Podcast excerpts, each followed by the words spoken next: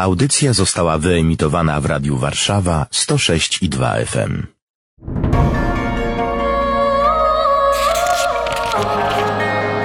Księga. Księga. Niedzielne czytania biblijne rozważają ksiądz Łukasz Turek i Paweł Kęska. Chrystus zmartwychwstał. Prawdziwie zmartwychwstał. Chrystus zmartwychwstał i tym przejściem przez śmierć, tak chyba mogę powiedzieć, założył Kościół, prawda? W pewnym sensie tak, ale dopiero zesłanie Ducha Świętego ukonstytuowało Kościół i zapoczątkowało jego istnienie. Kościół, można powiedzieć, tak etapami powstawał od zgromadzenia wokół siebie tych pierwszych uczniów, potem e, ofiara złożona na krzyżu, która jest źródłem całej mocy Kościoła i tak naprawdę Kościół istnieje po to, żeby tą łaskę zbawienia ogłosić całemu światu i dać dostęp przez sakramenty, przez słowo, przez modlitwę każdemu z ludzi, którzy chcą tego zbawienia doświadczyć, którzy uwierzą, którzy przyjmą To tak chrzest. pięknie wszystko brzmi. Ksiądz jest w kościele, prawda? Jestem, jestem. Nawet jestem. ksiądz na plebanii mieszka. Ja jestem ochrzczony, tak jak większość naszego społeczeństwa, w kościele bywam co niedziela. I czasem częściej. To się Ale chwali. są tacy, którzy są ochrzczeni, w kościele nie bywają. I co z nimi? Są czy nie są? Można być formalnie w kościele, ale można być martwym członkiem kościoła, zamiast być żywym członkiem kościoła, do czego jesteśmy powołani. Można być też półżywym członkiem kościoła, być może, nie wiem. Dziś będziemy mówili o tym, co to znaczy być w kościele, jak do niego się wchodzi, jak się do niego wraca. A zaczynamy od czytania z dziejów apostolskich, rozdział drugi, wers 14 i od 36 do 41.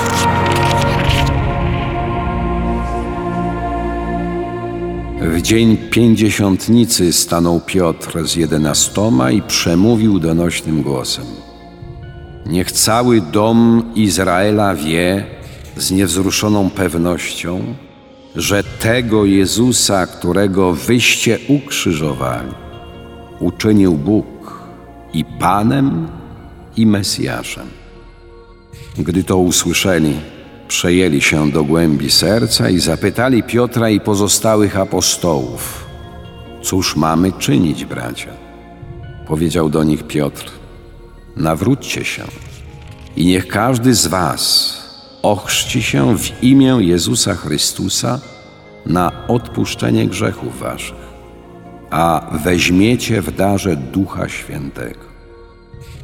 Bo dla was jest obietnica i dla dzieci waszych, i dla wszystkich, którzy są daleko, a których powoła Pan Bóg nasz.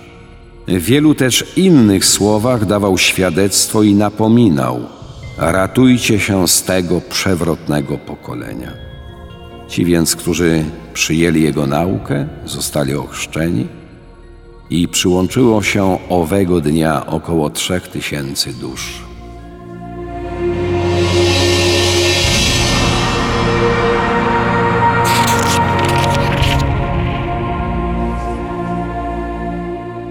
Piotr, pełen Ducha Świętego, po zesłaniu Ducha Świętego, mówił do zgromadzonych ludzi, którzy przejęli się jego mową, zrozumieli, przyjęli do siebie i zapytali: Cóż mamy czynić, bracia? Powiedzieli bracia, to znaczy, że już byli swoi. Tak, już, już w tym słowie na tyle zostali poruszeni, że poczuli wspólnotę z tymi, którzy to słowo głoszą. Być może właśnie te pragnienia, które tak mocno wybrzmiały w tej głoszonej Ewangelii, yy, w nich zaczęły się rodzić i, i oni chcieli doświadczyć tego samego, tego samego żaru, tego samego zapału, który widać z apostołów promieniował mocą świeżo zesłanego Ducha Świętego. A pragnienie jest pierwszym krokiem do tego, żeby móc być członkiem jakiejś rzeczywistości, jakiejś wspólnoty, żeby móc tego samego doświadczyć. Czego doświadczyli ci, którzy nam głoszą, w tym przypadku im głosili słowo. No a dziś też można by zapytać, cóż mamy czynić, bracia? Chcę czegoś więcej? Jakoś jestem przekonany, mam tęsknotę, może to wystarczy? I To co jest- mam czynić? To wezwanie świętego Piotra jest bardzo dobre i zawsze aktualne. Już nie musimy się chrzcić, bo to mamy za sobą, ale nawracać się zawsze możemy i powinniśmy. To jest zadanie do końca życia. Będzie ono aktualne i będzie konieczne, bym wręcz nawet powiedział. Więc jeżeli we mnie się rodzi pragnienie, to to jest piękne, bo to znaczy, że Pan Bóg mnie pociąga, że Duch Święty cały czas we mnie działa, że On chce mi dać coś więcej niż to, co do tej pory zdobyłem, co do tej pory otrzymałem, ponieważ miłość Boga jest przeobfita i, i nieustannie pragnie ubogacać każdego z nas żebyśmy coraz bardziej w tym dziedzictwie, które zostało dla nas wysłużone, otwarte, e, obiecane, przygotowane przez Jezusa, przez Ojca, żebyśmy już cały czas mieli w nim coraz większym stopniu udział. Bo dla was jest obietnica i dla dzieci waszych, czyli obietnica czeka na mnie. Tak, Królestwa Bożego, obietnica dziedzictwa, współdziedziczenia z Jezusem, obietnica wspólnoty z Bogiem, takiej, która obecnie jest no, poza naszym zasięgiem i wyobraźnią, ale już dziś mamy też w niej swój udział i tutaj budujemy tą wspólnotę, poznajemy Boga przez mgłę, przez zasłonę, przez obrazy, przez znaki, niewyraźnie, ale skutecznie, ale y, też owocnie bardzo. Niemniej ta obietnica cały czas, jej pełne spełnienie i wypełnienie jest przede mną. Jest y, w niebie, jest u celu mojej wędrówki. Można sobie wyobrazić tych, dla których wydaje się ta obietnica nie jest przeznaczona. Ci wszyscy, którzy są daleko od kościoła, ci wszyscy, którzy się nie zgadzają, prowokują, denerwują nas w telewizji. E, na przykład, a tu jest napisane, że jest to obietnica dla tych wszystkich, którzy są daleko też. Tak, dokładnie tak. Bo to też w innym miejscu w Ewangelii wybrzmi, że mnóstwo jest powołanych ludzi, tak? Każdy jest powołany. Bóg każdego z nas stworzył dla relacji, dla relacji ze sobą. Bóg każdego z nas chce mieć przy sobie. Bóg każdego z nas chce y, obdarzać miłością i uczyć, byśmy tą miłością żyli. Ale no, relacja to zawsze są dwie strony, więc potrzeba jakiejś odpowiedzi, potrzeba chęci z naszej strony. Bóg chce bardzo, ale jeżeli w nas nie będzie tego pragnienia, tego żaru, tej chęci, by przyjąć to, co Bóg mi daje, no to w pewnym sensie czynimy Pana Boga trochę bezradnym wobec tej rzeczywistości, a sami pozbawiamy się udziału w tej tajemnicy, którą, która jest na wyciągnięcie ręki, w której już możemy mieć swój udział. Ratujcie się spośród tego przewrotnego pokolenia. Można nic nie robić, można czekać, ale być może stojąc w miejscu, Cofamy się. padamy w przepaść. Tak, no właśnie. Nie da się stać w miejscu tak naprawdę w tej naszej drodze życia, drodze wiary. Jeżeli będziemy próbowali się zatrzymać, to zawsze będzie się, będziemy się cofali. Ta wiara będzie słabła, relacja z Panem Bogiem będzie słabła, moje rozumienie tego, kim jestem, poznawanie siebie będzie słabło i, i mogę się zatracić w całej tej rzeczywistości, która towarzyszy nam tutaj na co dzień jako rzeczywistość tego świata, które w Biblii zawsze jest e, określeniem rzeczywistości wrogiej Panu Bogu. Ten świat nie jest nam przyjazny. Ten świat nie jest miejscem, nie jest rzeczywistością, która mi pomoże budować relacje z Panem Bogiem, ponieważ jest w w jakiś sposób pod mocą, pod władaniem złego ducha. I wiemy dobrze, obserwując to, co się wokół nas dzieje, że praktyce przez głupie wybory, przez nieświadomość, przez lenistwo, przez judnośność, przez wygodnictwo bardzo, bardzo wiele osób odrzuca Boga, zapomina o Nim, gubi się gdzieś i dlatego tutaj Piotr mówi o tym przewrotnym pokoleniu, czyli tej rzeczywistości, która jest wokół nas, która jest właśnie odrzucaniem nieustannie Pana Boga, lekceważeniem Jego nauki, wyśmiewaniem daru zbawienia, który nam dał, daru odkupienia, który nam dał. I przez to jest rzeczywistością, w której my możemy jakoś y, pogubić się. Jeżeli damy się jej pochłonąć, możemy stracić sami z oczu Pana Boga, tracić cel, stracić powołanie nasze, stracić to, co jest istotą naszego życia. Mówimy o Kościele, ale chciałbym księdza tak prosto zapytać, czym jest Kościół? No w, czy, w czym ja uczestniczę? Pierwsza rzecz, każdy sobie, każdy, nie każdy już może, ale sobie wyobraża budynek, parafię, może wystrój kościoła, jakieś obrazy, y, muzykę, prawda, śpiew organisty. Co to jest Kościół? Kościół to jest ten budynek, w którym się gromadzimy, aby sprawować służbę Bożą, aby oddawać cześć Panu Bogu, aby słuchać Go, aby się z Nim spotykać. Ale tym najważniejszym wymiarem Kościoła, tą najważniejszą definicją Kościoła, to jest po prostu wspólnota ludzi, którzy uwierzyli Jezusowi, przyjęli chrzest i razem idą do nieba. Ja nie żyję w tej wspólnocie. Jak to nie żyje? Żyje tej wspólnocie. Ale nie, to tak jest, to jest tak w książce, ale to jest taka moja praktyka życia, bo raz jestem w Pruszkowie na mszy świętej, raz jestem, prawda, na Woli na mszy świętej, raz jeszcze gdzieś indziej. E, Ja nie znam tych ludzi, którzy stoją obok. Nie jestem w tej wspólnocie. To co z tym kościołem?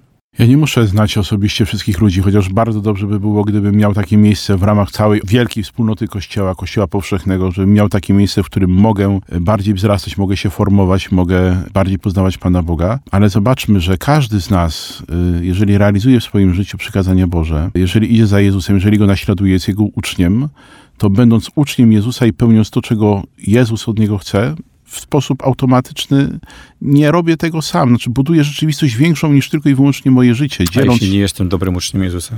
Nikt z nas do końca nie jest dobrym uczniem Pana Jezusa. Może ci, którzy świętość osiągnęli, mogliby sobie powiedzieć, chociaż właśnie oni by przyznali jeszcze przed śmiercią, że aż takimi dobrymi uczniami Pana Jezusa nie byli. Ale warto zadać sobie pytanie, czy ja przeżywam siebie jako chrześcijanina, czyli czy rozumiem, że nigdy nie będę sam w mojej drodze do Jezusa, że chrześcijaninem jestem ja, który przyjąłem Jezusa, zostałem ochrzczony i wybrałem Go, mogę być im bardziej lub mniej świadomie, e, mogę być bliżej Pana Jezusa i lepszym uczniem Pana Jezusa, mogę być słabszy, bardziej oddalony, gdzieś tam pogubiony w moim życiu, ale nigdy nie jestem w, sam w, w tej drodze mojej przez życie, ponieważ uczniów Chrystusa jest tylu, ilu jest ludzi ochrzczonych. A jak jestem? Gdzie? Tej drodze. Jak nie jestem sam, jak jestem? Nie jestem sam, dlatego że jest mnóstwo ludzi, którzy się za mnie modlą, o których ja muszę, nie, mogę nic nie wiedzieć, mogę ich nie znać. Ale Kościół jest rzeczywistością, w której my stajemy, nawet jeżeli stajemy indywidualnie, nawet jeżeli do końca sobie tego nie uświadamiamy, to stajemy jako wspólnota. To wychodzi w każdej modlitwie. Kiedy nawet modlimy się tą najbardziej podstawową modlitwą, której nas Pan Jezus nauczył, tam jest modlitwa Ojcze Nasz, a nie Ojcze Mój. Więc ja już w tej modlitwie, wypowiadając tej słowa, może sobie tego nie uświadamiam i być może to jest właśnie dzisiejszy dzień po to, żeby to sobie uświadomić. Ja się modlę nie tylko za siebie, ale modlę się y, w swoim własnym imieniu, w imieniu tych wszystkich innych, którzy stali się dziećmi Bożymi dzięki Jezusowi Chrystusowi, dzięki temu, że y, przyjęli ten pierwszy sakrament chrztu i który rozpoczął ich wspólną drogę do nieba, naszą wspólną drogę do nieba. Ja tak przepraszam księdza, trochę może prowokuję, ale te pytania też um, są szczere, bo sam szukam tego, czym jest Kościół, żeby rozumieć, jak w nim uczestniczyć, żeby łatwiej mówić tak, nie, oddzielić czarne od białego, gorące od zimnego, Będziemy dalej szukać. Za chwilę przeczytamy fragment z pierwszego listu świętego Piotra.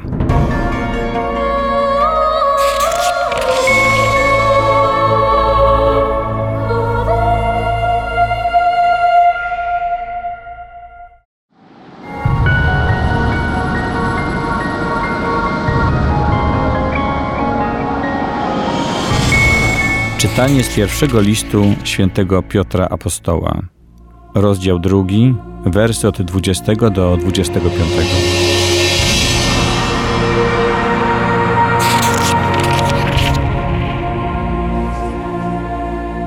Najdrożsi, to się Bogu podoba, jeżeli dobrze czynicie, a przetrzymacie cierpienia. Do tego bowiem jesteście powołani.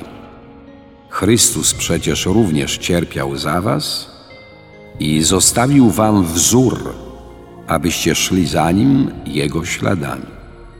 On grzechu nie popełnił, a w jego ustach nie było podstępu. On, gdy mu złorzeczono, nie złorzeczył, gdy cierpiał, nie groził, ale oddawał się temu, który sądził sprawiedliwie. On sam w swoim ciele poniósł nasze grzechy na drzewo, abyśmy przestali być uczestnikami grzechów, a żyli dla sprawiedliwości. Krwią Jego ran zostaliście uzdrowieni. Błądziliście bowiem jak owce, ale teraz nawróciliście się do pasterza i stróża dusz waszych.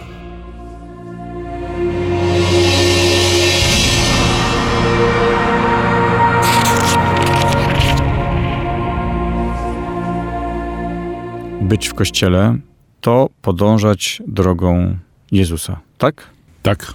A tu jest napisane, że przecież On cierpiał za nas i zostawił nam wzór, abyśmy szli Jego śladami. No właśnie, mamy cierpieć. Czy mamy cierpieć? No niekoniecznie mamy cierpieć, ale to cierpienie jakoś jest częścią naszego życia i możemy cierpieć. Prawdą jest, że każdy z nas w jakiś sposób cierpi, y, czegoś, jakiś krzyż w swoim życiu dźwiga, ale to nie jest tak, że nasze chrześcijaństwo jest ukierunkowane na cierpienie, tylko nasze chrześcijaństwo jest ukierunkowane na Pana Jezusa i na naśladowanie Jezusa. W związku z powyższym, jeżeli zdarzają się jakieś sytuacje trudu, krzyża, przeciwności, które nas dotyczą, dotykają, tutaj święty Piotr odwołuje się, czego nie ma w tym fragmencie, ale kiedy sobie przeczytamy werset wcześniej, to mówi to do niewolników. Y, dzisiaj może nie ma niewolnictwa w takim wymiarze społecznych relacji, naszych, a jeżeli jest to gdzieś tam ukryte. Natomiast nie potrzeba być niewolnikiem, żeby cierpienie jakoś nas dotykało w różnych momentach naszego życia. Więc Piotr mówi, naśladuj Pana Jezusa, także w tym, jak On cierpiał. Jeżeli to cierpienie Cię spotyka, to zobacz, co z tym cierpieniem możesz zrobić. Możesz go jakoś wykorzystać, żeby naśladować Jezusa, żeby się od Niego uczyć, żeby dzięki temu też y, włączyć się w to dzieło odkupienia, którego On dokonał, żeby w jakiejś dobrej intencji to, ten trud, te przeciwności ofiarować. Tak, to jest ciekawe. To jest napisane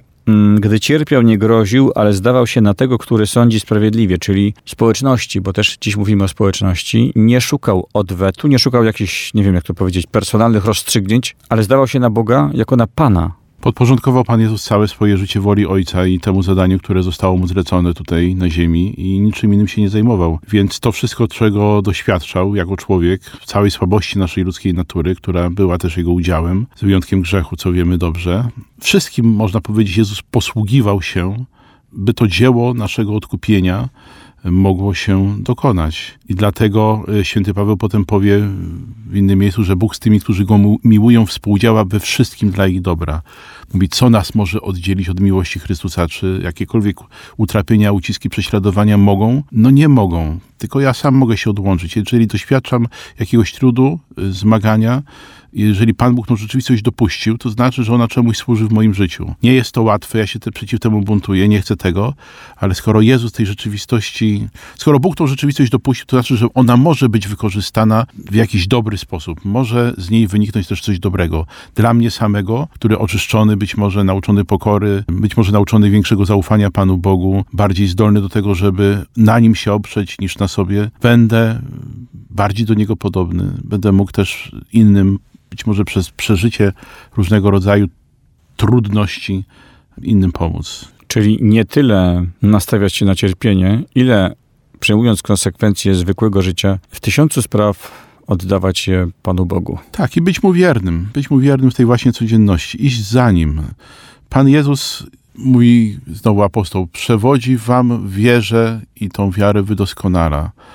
Więc każdy dzień to jest okazja, żeby przyjrzeć się temu, na ile ja Panu Bogu ufam i zobaczyć, czy to, co mnie spotyka, te zwyczajne sprawy, te moje codzienne obowiązki, to, co mnie irytuje, wkurza, z czym sobie nie radzę, czy to nie jest okazja do tego, żeby zawołać Panie Jezu, no, potrzebuję Ciebie, potrzebuję Twojej pomocy, więc zapraszam Cię do mojego życia i pomóż mi ten mój krzyż dźwigać, pomóż mi być ojcem, matką, mężem, żoną, moim dzieckiem, pomóż mi w tej pracy mojej być lepiej, lepiej w lepszym, większym stopniu Twoim świadkiem. Nie dać się sprowokować, ale próbować to, co mnie tam spotyka, to, czego doświadczam, przyjąć i Tobie oddać. Błądziliście bowiem jak owce, ale teraz nawróciliście się do pasterza i stróża duszy waszych. Błądzenie jak owce to mi się bardzo podoba to określenie, ponieważ owce bez pasterza faktycznie szukają miejsca i sensu tam, gdzie są w swoim życiu.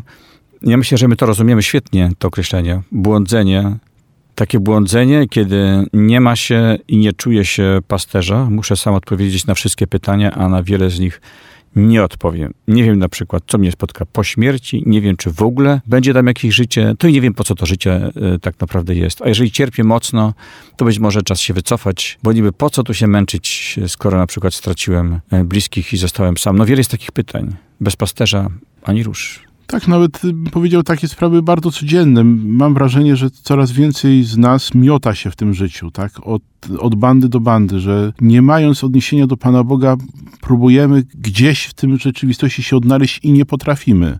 Nie tylko, że nie potrafimy się w niej odnaleźć, ale coraz bardziej w niej się gubimy. Jesteśmy coraz bardziej sfrustrowani, coraz bardziej samotni, coraz bardziej zdezorientowani, coraz bardziej z takim poczuciem wykorzystania przez wszystkich wokół i zarazem totalnej pustki w sobie samym. To jest wyraźny znak, jeżeli coś takiego jest moim doświadczeniem, że powinienem rozejrzeć się wokół siebie za pasterzem, bo on cały czas przy mnie jest. Skoro należy do jego owczarni, nawet jeżeli stwierdziłem, że się błąkam bez niego, to, to ten pasterz cały czas jest i cały czas też o mnie zabiega, cały czas do mnie mówi i chcę wprowadzić ład i pokój w moje życie. Pokój jest tym, co pochodzi od Boga. Od świata, od złego ducha pochodzi niepokój, pochodzi lęk, pochodzi rozproszenie. Bóg y, nie rozprasza, tylko Bóg jest tym, który gromadzi. I On też każdego z nas chce zgromadzić wokół siebie.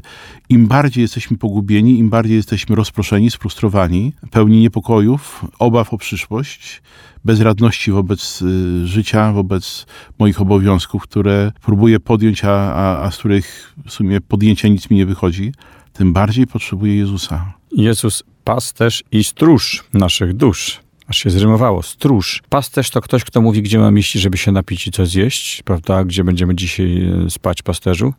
Ale stróż to jest ktoś, kto cały czas na mnie patrzy. I mnie broni, broni, broni przed napaścią, broni przed wilkiem, broni przed niebezpieczeństwem. To szatan jest tym, który wprowadza taki nieprawdopodobny chaos w to nasze funkcjonowanie w tym świecie. I jedynym, który jest w stanie mu się sprzeciwić skutecznie, to jest Jezus, który go już pokonał. Właśnie jako stróż jest przy mnie, żeby bronić mnie przed jego napaściami, przed napaściami wilka, przed napaściami demona, przed jego zwodniczym działaniem, przed y, zamętem, który chce we mnie rodzić właśnie i w tym zamęcie mnie y, zupełnie okręcić wokół swojego palca, czy tam ogona, czy czegokolwiek, co on tam ma, po to, żebym stracił z oczu pasterza. Więc Jezus na to nie pozwoli. Jeżeli ja będę chciał być pod tą władzą pasterską, będę chciał być przy moim stróżu, to zły duch nie będzie miał czego szukać. Jestem owcą w owczarni, jestem w kościele, czyli mam pasterza i stróżę.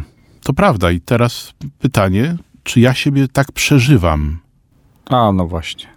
Moja tożsamość chrześcijańska, ja o tym już dzisiaj powiedziałem. Czy ja siebie przeżywam, przeżywam jako owce w owczarni Jezusa, owczarni dobrego pasterza? Czy przeżywam siebie jako jego ucznia, jako tego, który został z nim związany więzami nierozerwalnymi? Zostałem przez chrzest wszczepiony w mękę śmierci i zmartwychwstanie Chrystusa. Jestem nie tylko jego uczniem, ale jestem jego dzieckiem, jestem dzieckiem Boga. I chodzi o to, żebym ja sobie to ciągle na nowo uświadamiał i w coraz większym stopniu przeżywał to w sobie. Bo jeżeli będę to coraz bardziej w sobie przeżywał, rozumiał, kim jestem, odkrywał moją godność, to będzie mi łatwiej przy pasterzu moim być będzie mi łatwiej do Ojca się zwracać, będzie mi łatwiej zaufać, że ten, który mnie ze sobą złączył, który mnie powołał, który mnie wybrał, naprawdę daje mi wszystko, czego potrzebuję, żeby w tej jego owczarni być, rozkwitać, żyć pełnią życia i cieszyć się tym, że, że już jestem zbawiony. O owcach i o owczarni będzie za chwilę we fragmencie Ewangelii według świętego Jana.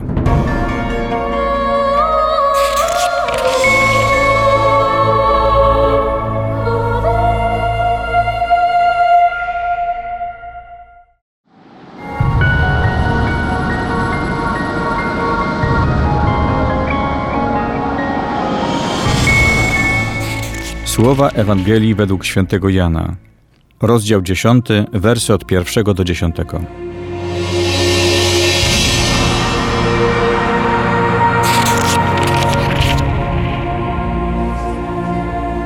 Jezus powiedział: Zaprawdę, zaprawdę powiadam wam, kto nie wchodzi do owczarni przez bramę, ale wdziera się inną drogą, ten jest złodziejem i rozbójnikiem. Kto jednak wchodzi przez bramę, jest pasterzem owiec. Temu otwiera odźwierny, a owce słuchają jego głosu. Woła on swoje owce po imieniu i wyprowadza je. A kiedy wszystkie wyprowadzi, staje na ich czele, a owce postępują za nim, ponieważ głos jego znają. Natomiast za obcym nie pójdą, lecz będą uciekać od niego, bo nie znają głosu obcych. Tę przypowieść opowiedział im Jezus, lecz oni nie pojęli znaczenia tego, co im mówił. Powtórnie więc powiedział do nich Jezus: Zaprawdę, zaprawdę powiadam wam, ja jestem bramą owiec. Wszyscy, którzy przyszli przede mną, są złodziejami i rozbójnikami, a nie posłuchały ich owce. Ja jestem bramą. Jeżeli ktoś wejdzie przeze mnie, będzie zbawiony. Wejdzie i wyjdzie i znajdzie paszę. Złodziej przychodzi tylko po to, aby kraść, zabijać i niszczyć. Ja przyszedłem po to, aby owce miały życie i miały je w obfitości.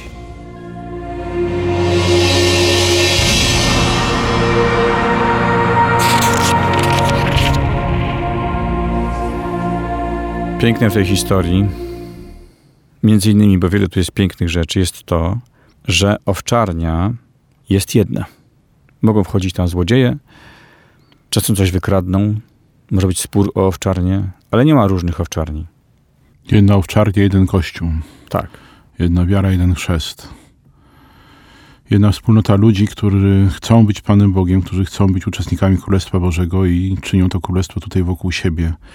E, ale to Królestwo gromadzi się wokół Jezusa. To On jest zwornikiem, On jest tym, który to Królestwo czyni w nas i pośród nas przez swojego Ducha Świętego.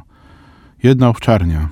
Nie ma innej drogi do zbawienia, innej drogi do szczęścia, innego miejsca, w którym moglibyśmy zrealizować siebie, e, swoje człowieczeństwo w taki sposób, jaki Pan Bóg to dla nas zamierzył. Nie ma innego miejsca, w którym moglibyśmy poznać Boga i być we wspólnocie z Nim e, w taki sposób, jaki On to zamierzył.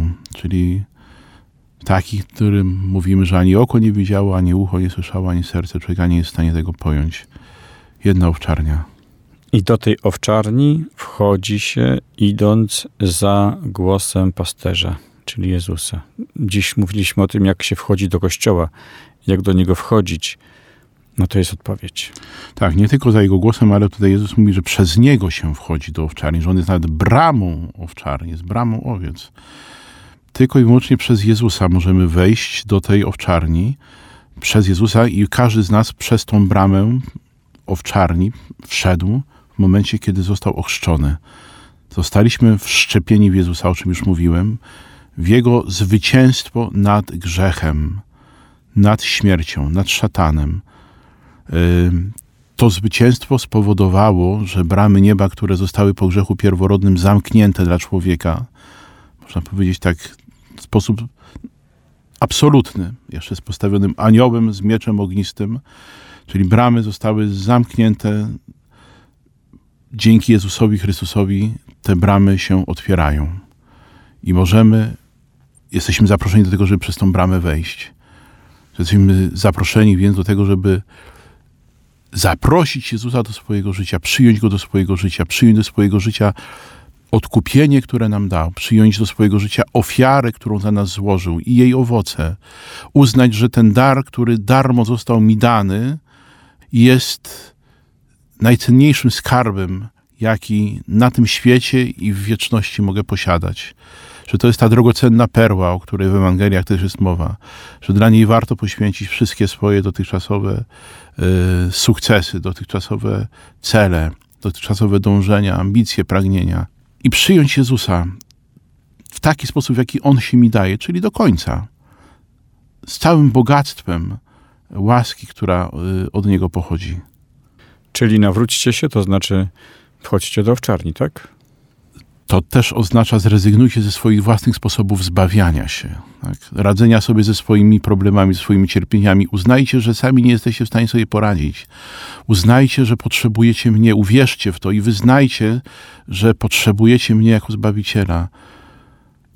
Jest to w tym gdzieś jakaś tajemnica też doświadczenia swojego, swojej klęski, takiej osobistej, w walce o prawdę, o dobro w moim życiu własnymi siłami. I wtedy, kiedy uznaję, że sam jestem bezradny wobec rzeczywistości zła, mówię, Panie Jezu, nie potrafię siebie zbawić, więc proszę Cię, zbaw Ty mnie. Chcę przyjąć Twoje zbawienie. Pan Jezus te słowa mówi do faryzeuszy i tak myślę sobie, że można być w różnych rolach, ponieważ tutaj jest kilka ról, prawda? Możemy pomylić swoją rolę, rolę owcy z rolą pasterza i możemy chyba w każdej sytuacji, nawet może księża czasem mogą mieć w tym problem, że mogą mylić te role, e, a my zdecydowanie możemy na każdym kroku, m, próbując e, władać duszami na przykład. Ja tutaj księże wytnę, bo to jest może w sensie, poleciałem. No ale to każdy może, to, to, to nie ma wyjątków, Mhm. nie? Tak, no jeden ze świętych papieży powiedział, że dla was jesteśmy papieży, dla was jesteśmy pasterzami, ale z wami jesteśmy owcami. Tak. I to o tym nikt nie może nigdy zapomnieć. Wszyscy podstawową prawdą o nas jest to, że każdy z nas jest owcą.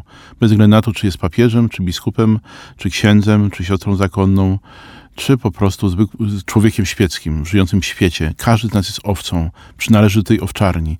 I w ramach tej owczarni mamy rozmaite zadania do podjęcia i każdy z nas też powinien te zadania e, chcieć odkryć. Ponieważ nie jestem w tej owczarni tylko po to, żeby w niej być, ale ja mam tą, tą owczarnię budować, mam dbać o jej piękno, mam być, mam być kamieniem, takim żywym kamieniem, z którego ta wspólnota Kościoła jest nieustannie budowana, jest upiększana. Im bardziej ja będę zaangażowany w troskę o wspólnotę Kościoła, y, o jej duchowe dobro, o jej piękno. Nie mówię tutaj tylko przy ozdabianiu kościołów, chociaż to też jest ważne, ale jeżeli zrozumiem, że ja jako chrześcijanin, uczeń Pana Jezusa i przez Niego wybrany jestem posłany i mam zadanie do wypełnienia, i jestem obdarowany, żeby to zadanie wypełnić możliwie najlepszy sposób, to ja sam będę wzrastał w moim byciu członkiem Kościoła y, bycie właśnie owcą w owczarni jedynego dobrego pasterza. Mogę się pomylić z byciem owcą i pasterzem, mogę też się nie mylić i być złodziejem. Yy, Pan Jezus po prostu tutaj mówi o tych, którzy wykradają. Yy, Ja też mogę wykradać. Mogę, mogę sobie przywłaszczać różnego rodzaju rzeczy, które od Pana Boga pochodzą i traktować je jako swoje. Święty Paweł, kiedy odchodził z jednej ze wspólnot, mówił, że wiem, że po moim odejściu wejdą między was drapieżne wilki, a także pośród was, spośród was powstaną fałszywi nauczyciele.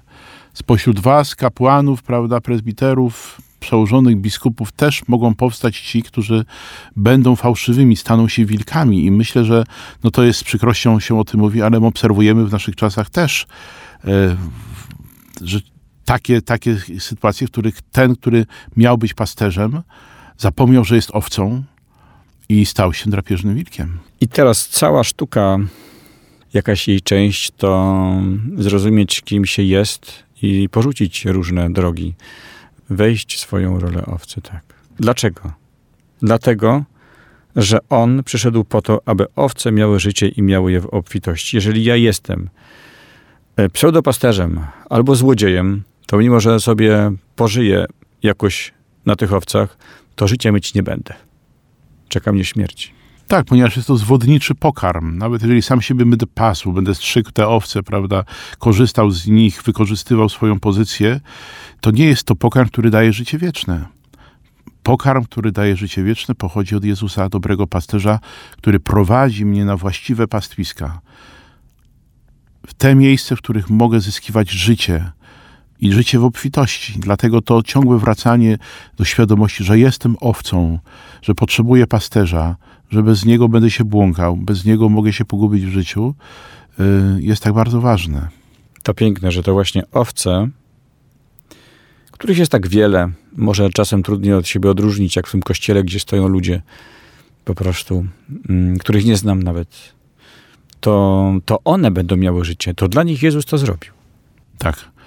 I zobaczmy, że znowu, że mimo, że jest nas tak wiele, my możemy rzeczywiście nie znać tych osób wokół nas, to Pan Jezus każdego z nas bardzo osobiście traktuje i dostrzega w- nas takim, jakim jesteśmy w tych naszych największych potrzebach i ma plan wobec życia każdego z nas, ale zarazem nam daje siebie nawzajem, byśmy mieli jakieś poczucie bezpieczeństwa. Wspólnota zawsze daje jakieś poczucie bezpieczeństwa.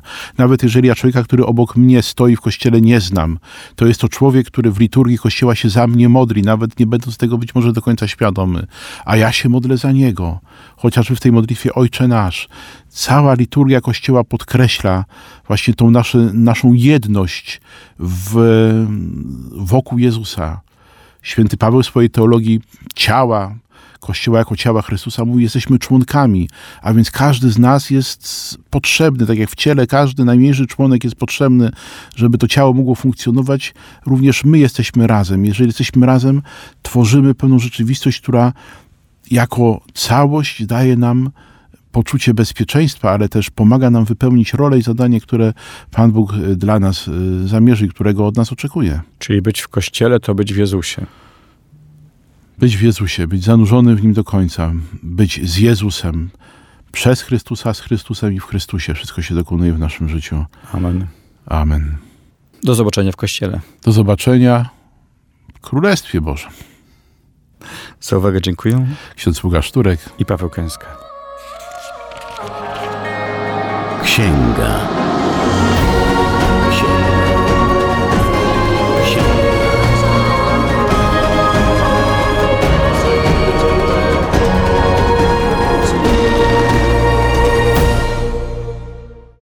Radio Warszawa nagrywa i udostępnia nieodpłatnie audycje takie jak ta. Dzięki wsparciu finansowemu słuchaczy i przyjaciół. Wejdź na www.radiowarszawa.com.pl i wpłać darowiznę. Wzmocnij nasze dobre fale. Dziękujemy.